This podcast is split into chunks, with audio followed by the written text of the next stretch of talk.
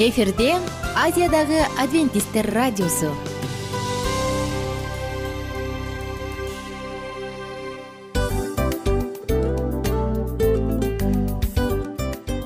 Достор салют. Баардык сүйүктүү угармандарыбызга салам айтабыз. Кутман күнүңүздөр менен. Ден соолук өмүрдүн булагы демекчи саламат саамы программасында баарыңыздарды көргөнүбүзгө абдан кубанычтабыз. Анда алгач амандашып өтөлү арбаңыздар деп. Ден соолугуңуздар кандай элибизде көбүнчө ден соолук кандай дегенде эле жакшы деп жооп беребиз э? ооруп турсак дагы жакшы дейбиз. Анан мен муну айтып ойлойт элем бул абдан сонун сөз депчи анткени бул жакшы деген үмүт да ооба. баары жакшы болот. Баары сонун. Деп үмүттөнүп атып эле өзүбүздү өзүбүз дарылап коебуз. Анысы кандай сиздин дагы ден соолугуңуз жакшы беш деген үмүттөбүз чындыгында ден соолук бул өмүрдүн булагы деп бекеринен айтылган эмес деп ойлойм. Кыргыз элинде анткени эгерде ден соолук жок болсо анда адамдын жашоосунда калган баардык керектүү маңыздуу нерселер өзүнүн баалуулугун жоготуп коет. Ошондуктан ден соолук бул эң керектүү нерсе. Ооба туура айтасың кесиптешим. Чынында ден соолугуң жок бир эки үч күн ооруп калсаң эле э кандай болуп калат? Жашоодо көз каранды болуп каласың көп нерсеге жетишпей каласың көп нерсени кыла албай каласың жада калса эшикке дүкөнгө да чыга албай каласың. Туптуура анан ден соолук болсо демек биз биздин бактыбыз тотой деп койсок болот. Анда достор саламат саамы рубрикабызды баштайлы. Алдыда өзүңүзгө керектүү болгон сонун кеңештерди уга аласыздар. Мына ошондуктан биз менен бирге болуңуздар. Ал эми биз болсо милан жана айнура. Кеттик алга. Алга саламат саама ден соолуктун жарчысы. Саламат саама ден соолуктун ачкычы. Күн сайын сиз үчүн мыкты кеңештер сонун жаңылыктар кызыктуу фактылар биздин рубрикада.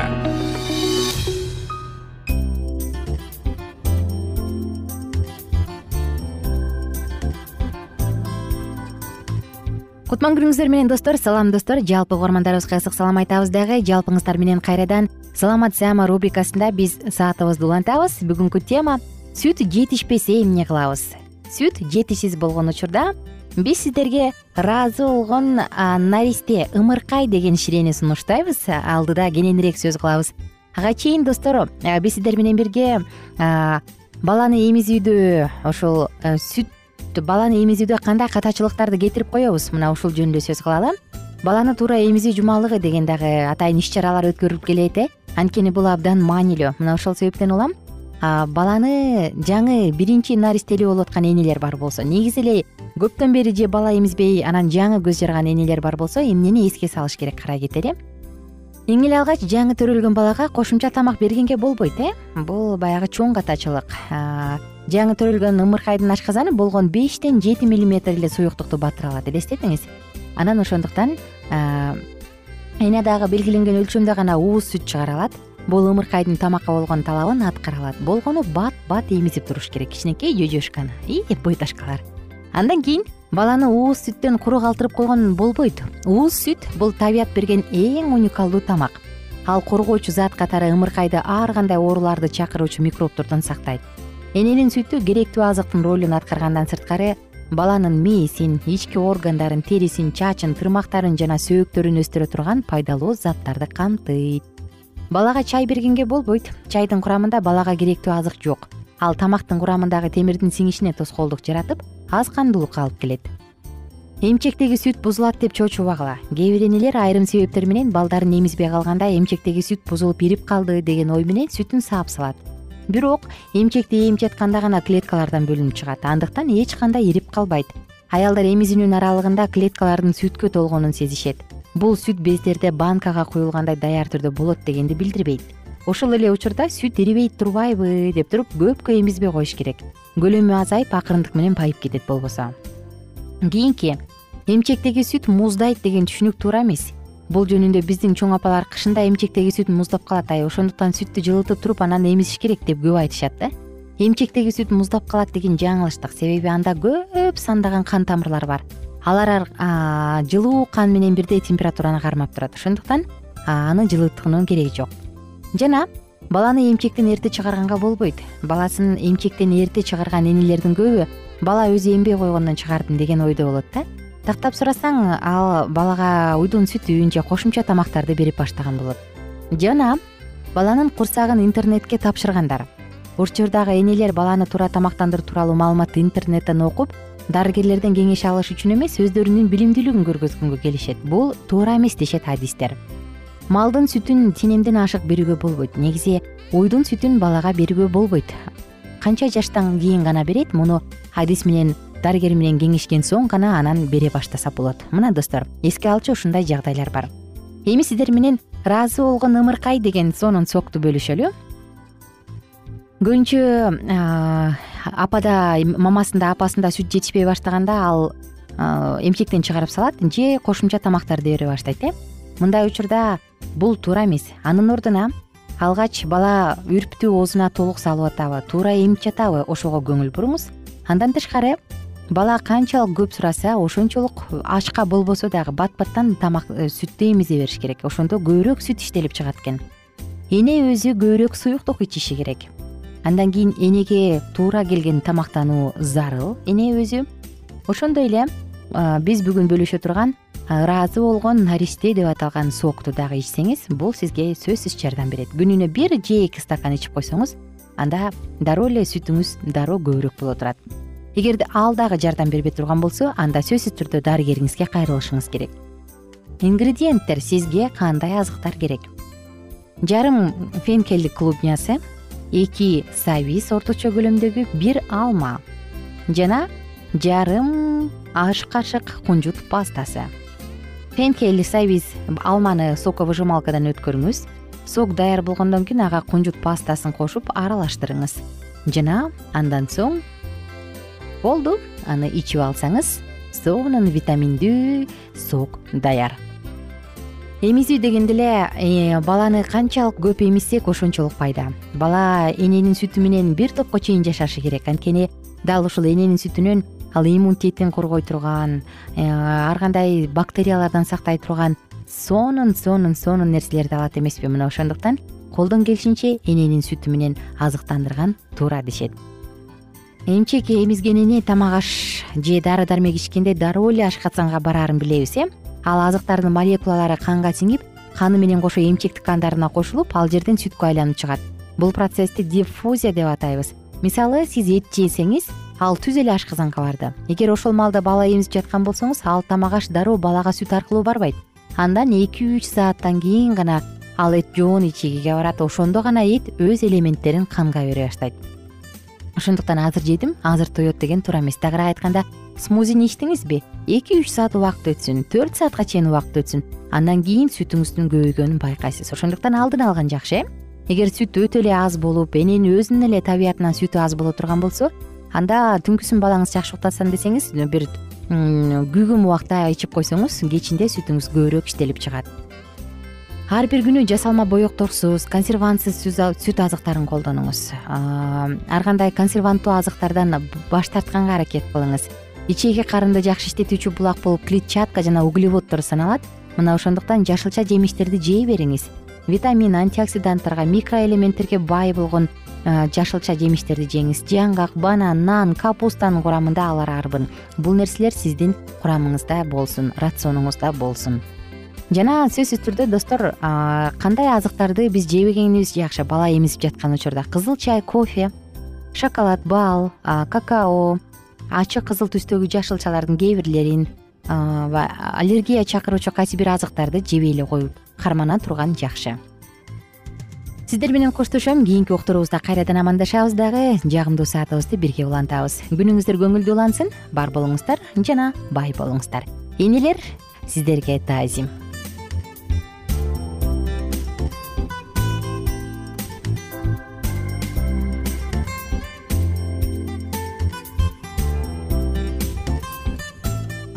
кененирээк маалыматтар үчүн үч w чекит саламат чекит клуб сайтына келип таанышыңыздар.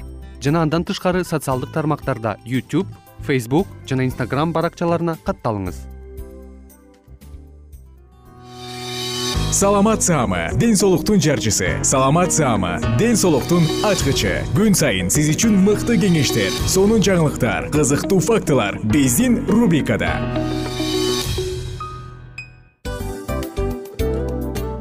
салам достор.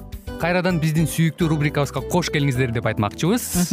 Баардык замандаштарыбызга арбаңыздар деп саламыбызды айтабыз. Улуу ушундай бир э, урматтаган учурашуу менен анан дил маек радио баракчабызга чакырабыз. Негизи дил маек биздин рубрикабызда эмне жөнүндө кеп кылабыз бул дил маектин мааниси эмнеде рубрикабыз менен кичине тааныштырып кетсеңиз. Сөзсүз түрдө тааныштыра кетейин. Кесиптешим суранычы боюнча бул учурда бул радио баракчада биз ар тарап кесип ээлеринен сонун кеңештерди алабыз сүйлөшөбүз сырдашабыз. Аталарыбыздын эжелерибиздин апаларыбыздын кеңештерин угабыз айтор. Жан дүйнөгө адамдын э, сапатына адамдын деги эле адам болуп жашашына керектүү баардык кеңештер алдыда.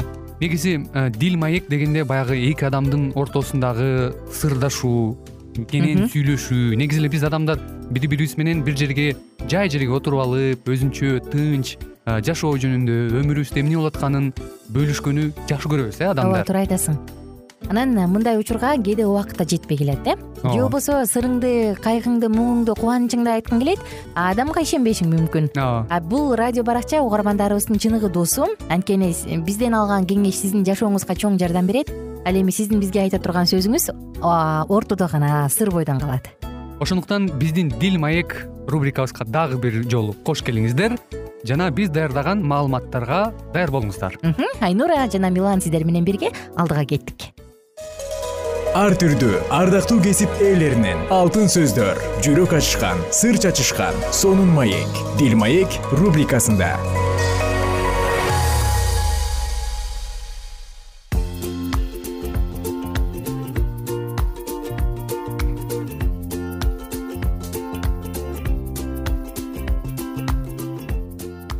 Кутман күнүңүздөр менен кадырлуу замандаштар сүйүктүү достор жалпыңыздар менен биз кайрадан дил маек уктуруусундабыз мурунку уктуруубузда биз аюптун аялы жөнүндө сөз кылып атканбыз. Анда ушул теманы андан ары уланталы аюптун аялы кудайга жок деп койгон аял.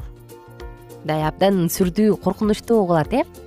Бир аз кайталай кетсек аюп байлыгы укмуш абдан көп байлыгына эсеп жетпеген адам болгон. Анын малайлары дагы абдан көп болгон. Ал жети уулдун үч кыздын атасы. Аялы бар эми андан ары улантабыз.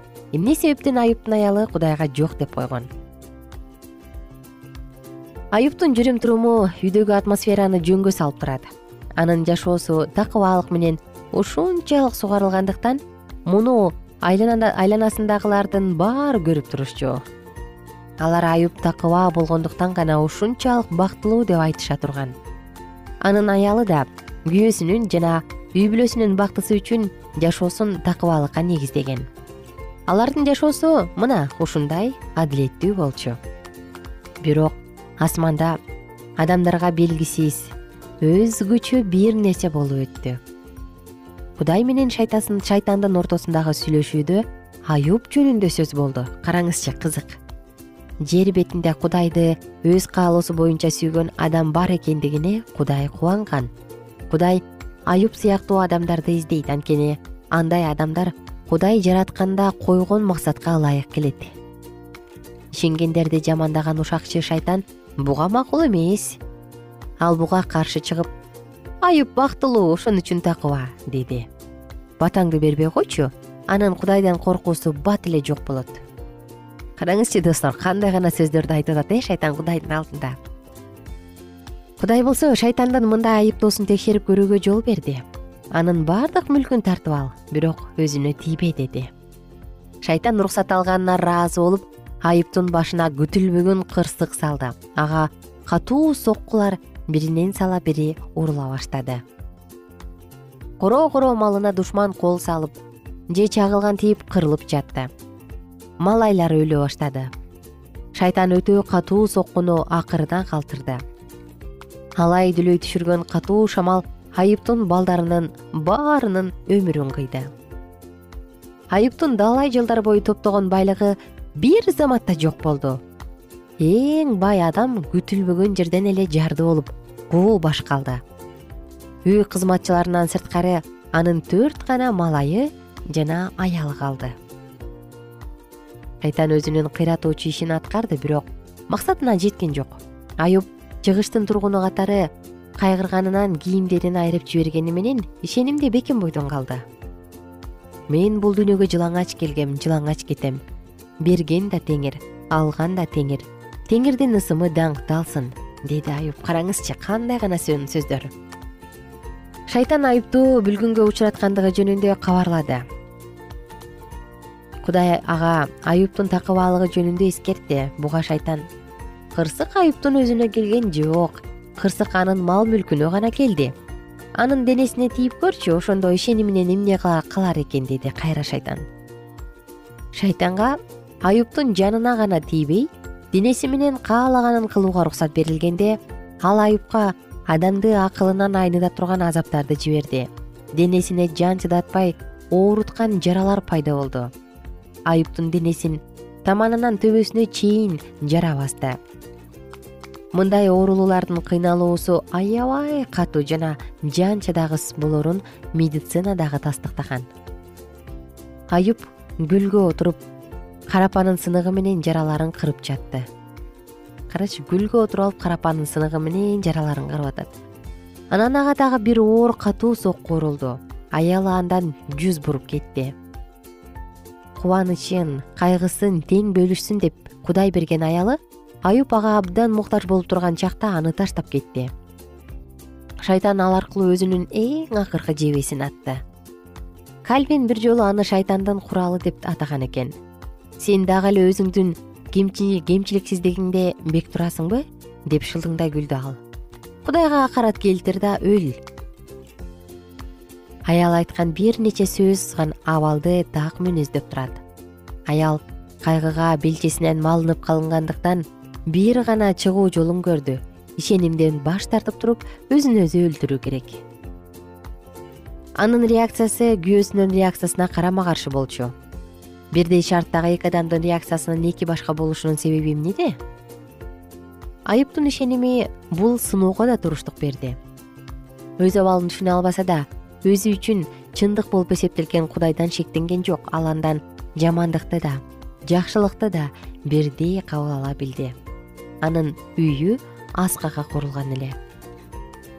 Борон чапкын болуп жатканда ал үй солк этпейт. Анткени пайдубалы бекем. Борон чапкын өсүмдүктөрдүн тамырынын күчүн сынагандай эле оор кайгы адамдын пайдубалынын бекемдигин көрсөтөт. Аюптун аялынын пайдубалы бекем эмес эле аюп келечекте келе турган куткаруучу жөнүндө билчү.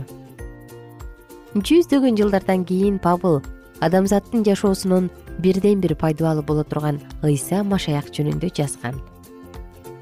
Бороон айыптун жашоосуна алаамат салып бүт байлыгын жок кылса да кудай ал үчүн мурункудай эле бекем пайдубал бойдон калды. Анын аялында эч нерсе жок эле. Анын кайгысы сөз менен айтып жеткире алгыс оор экени талашсыз эгерде анын жашоодогу ээлеген позициясы күйөөсүнүкүндөй бекем негизде болгон болсо ал мынчалык күйүткө батмак эмес. Ар башка реакциялар кыйынчылыктарды баштан өткөрүүсүнө эмес жашоосунун пайдубалына байланыштуу эле. Ошол себептен ал күйөөсүн кыйын учурда таштап кетти. Достору колдоо көрсөтүп жөлөк боло албаса да келип айыптын акыбалын сурап жатышты. Аялы анын кыйынчылыгын жеңилдеткендиги жөнүндө бир да жолу сөз кылынбайт кудай аял затына моолдук менен берген кайгыны тең бөлүшүү деген жөндөмдүүлүктү ал колдонгон эмес. Айыптын аялы андан ары эмне болот? Кийинки уктурууда бирге угабыз ага чейин достор сиздер менен амандашканча сак саламатта туруңуздар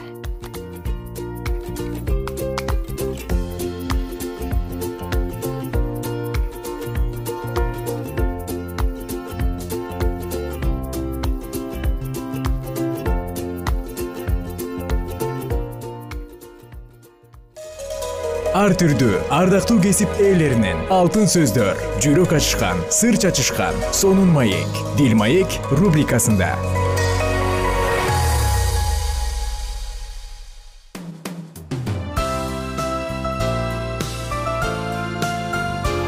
Эфирде азиядагы адвентисттер радиосу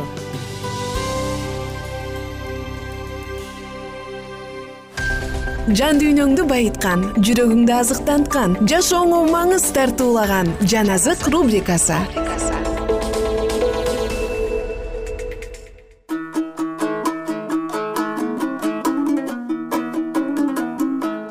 Кутман күнүңүздөр менен кадырлуу замандаштар сүйүктүү достор жана ардактуу угармандар жалпыңыздар менен кайрадан биз амандашып даниэль жазган даниэлдин пайгамбарчылык китебин улантабыз жан азык уктуруусунда даниэль китеби он экинчи бөлүм. Ошол учурда өз элиңдин уулдары үчүн турган улуу төрө михаэль келет. Адам жаралгандан ушул мезгилге чейин болуп көрбөгөн оор мезгил келет. Бирок ошол учурда сенин элиңдин ичинен китепте жазылгандардын баары куткарылат. Топуракта уктап жаткандардын көбү ойгонот.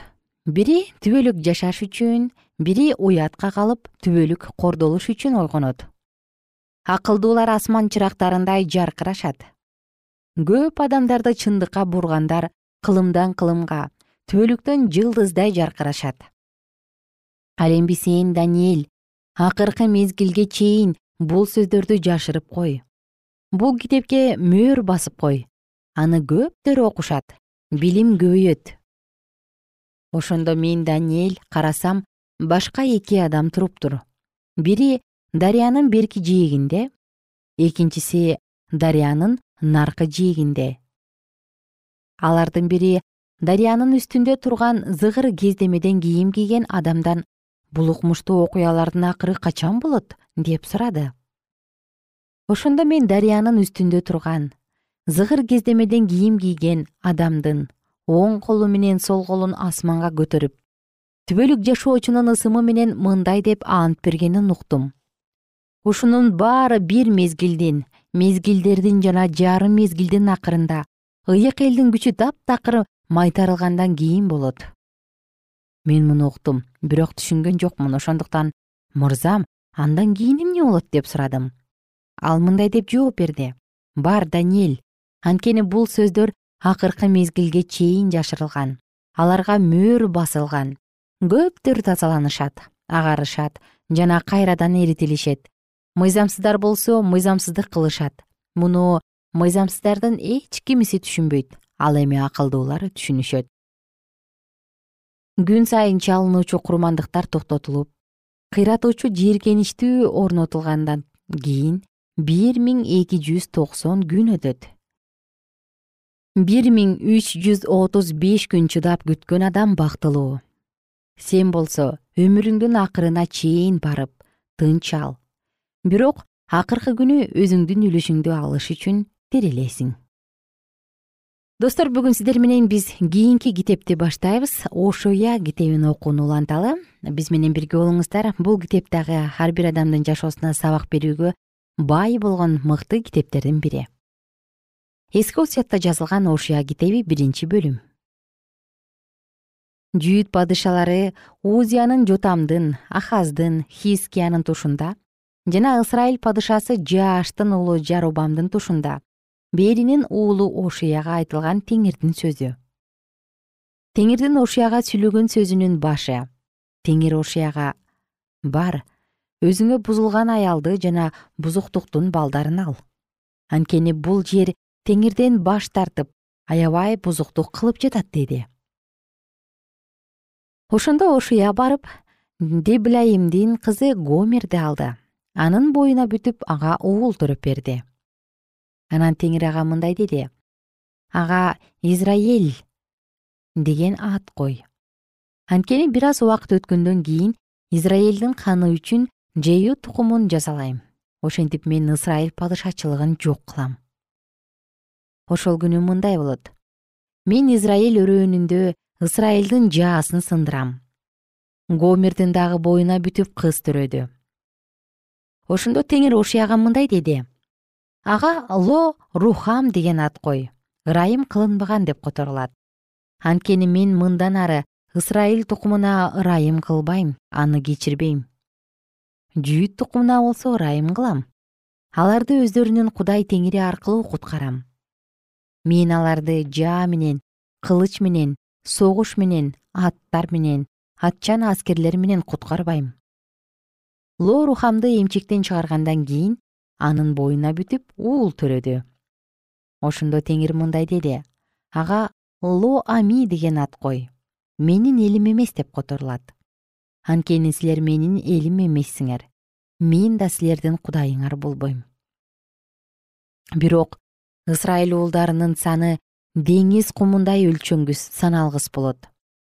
Силер менин элим эмессиңер деген жерде аларга силер тилүү кудайдын уулдарысыңар дешет.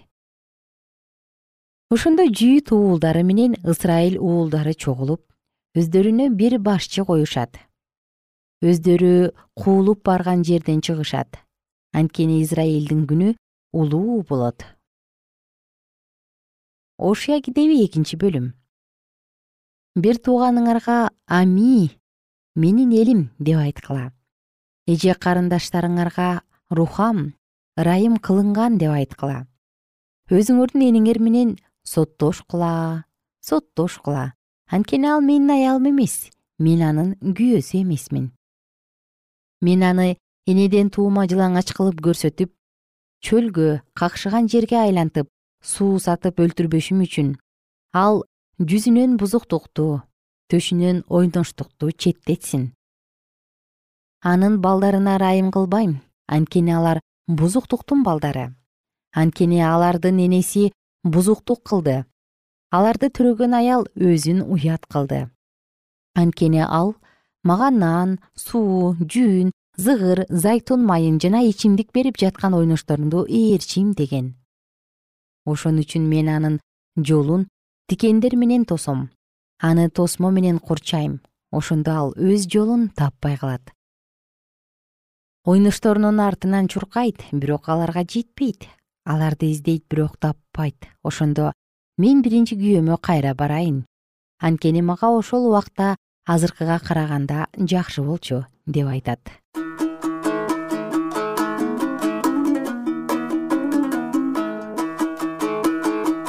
достор биз бүгүн сиздер менен бирге ошуя китебин баштадык. Биринчи бөлүмдү бүтүрүп экинчи бөлүмдү баштадык. Кийинки уктуруубузда биз саатыбызды улантабыз ага чейин жалпы угармандарыбызга көңүлдүү күн каалайбыз.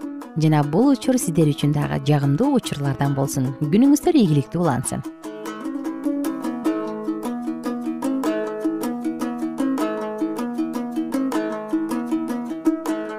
эгер сиздерде суроолор болсо же көбүрөөк маалымат билем десеңиз анда биздин whatsapp номерибизге жазыңыз. Плюс бир үч жүз бир жети жүз алтымыш алтымыш жетимиш. Кайрадан плюс бир үч жүз бир жети жүз алтымыш алтымыш жетимиш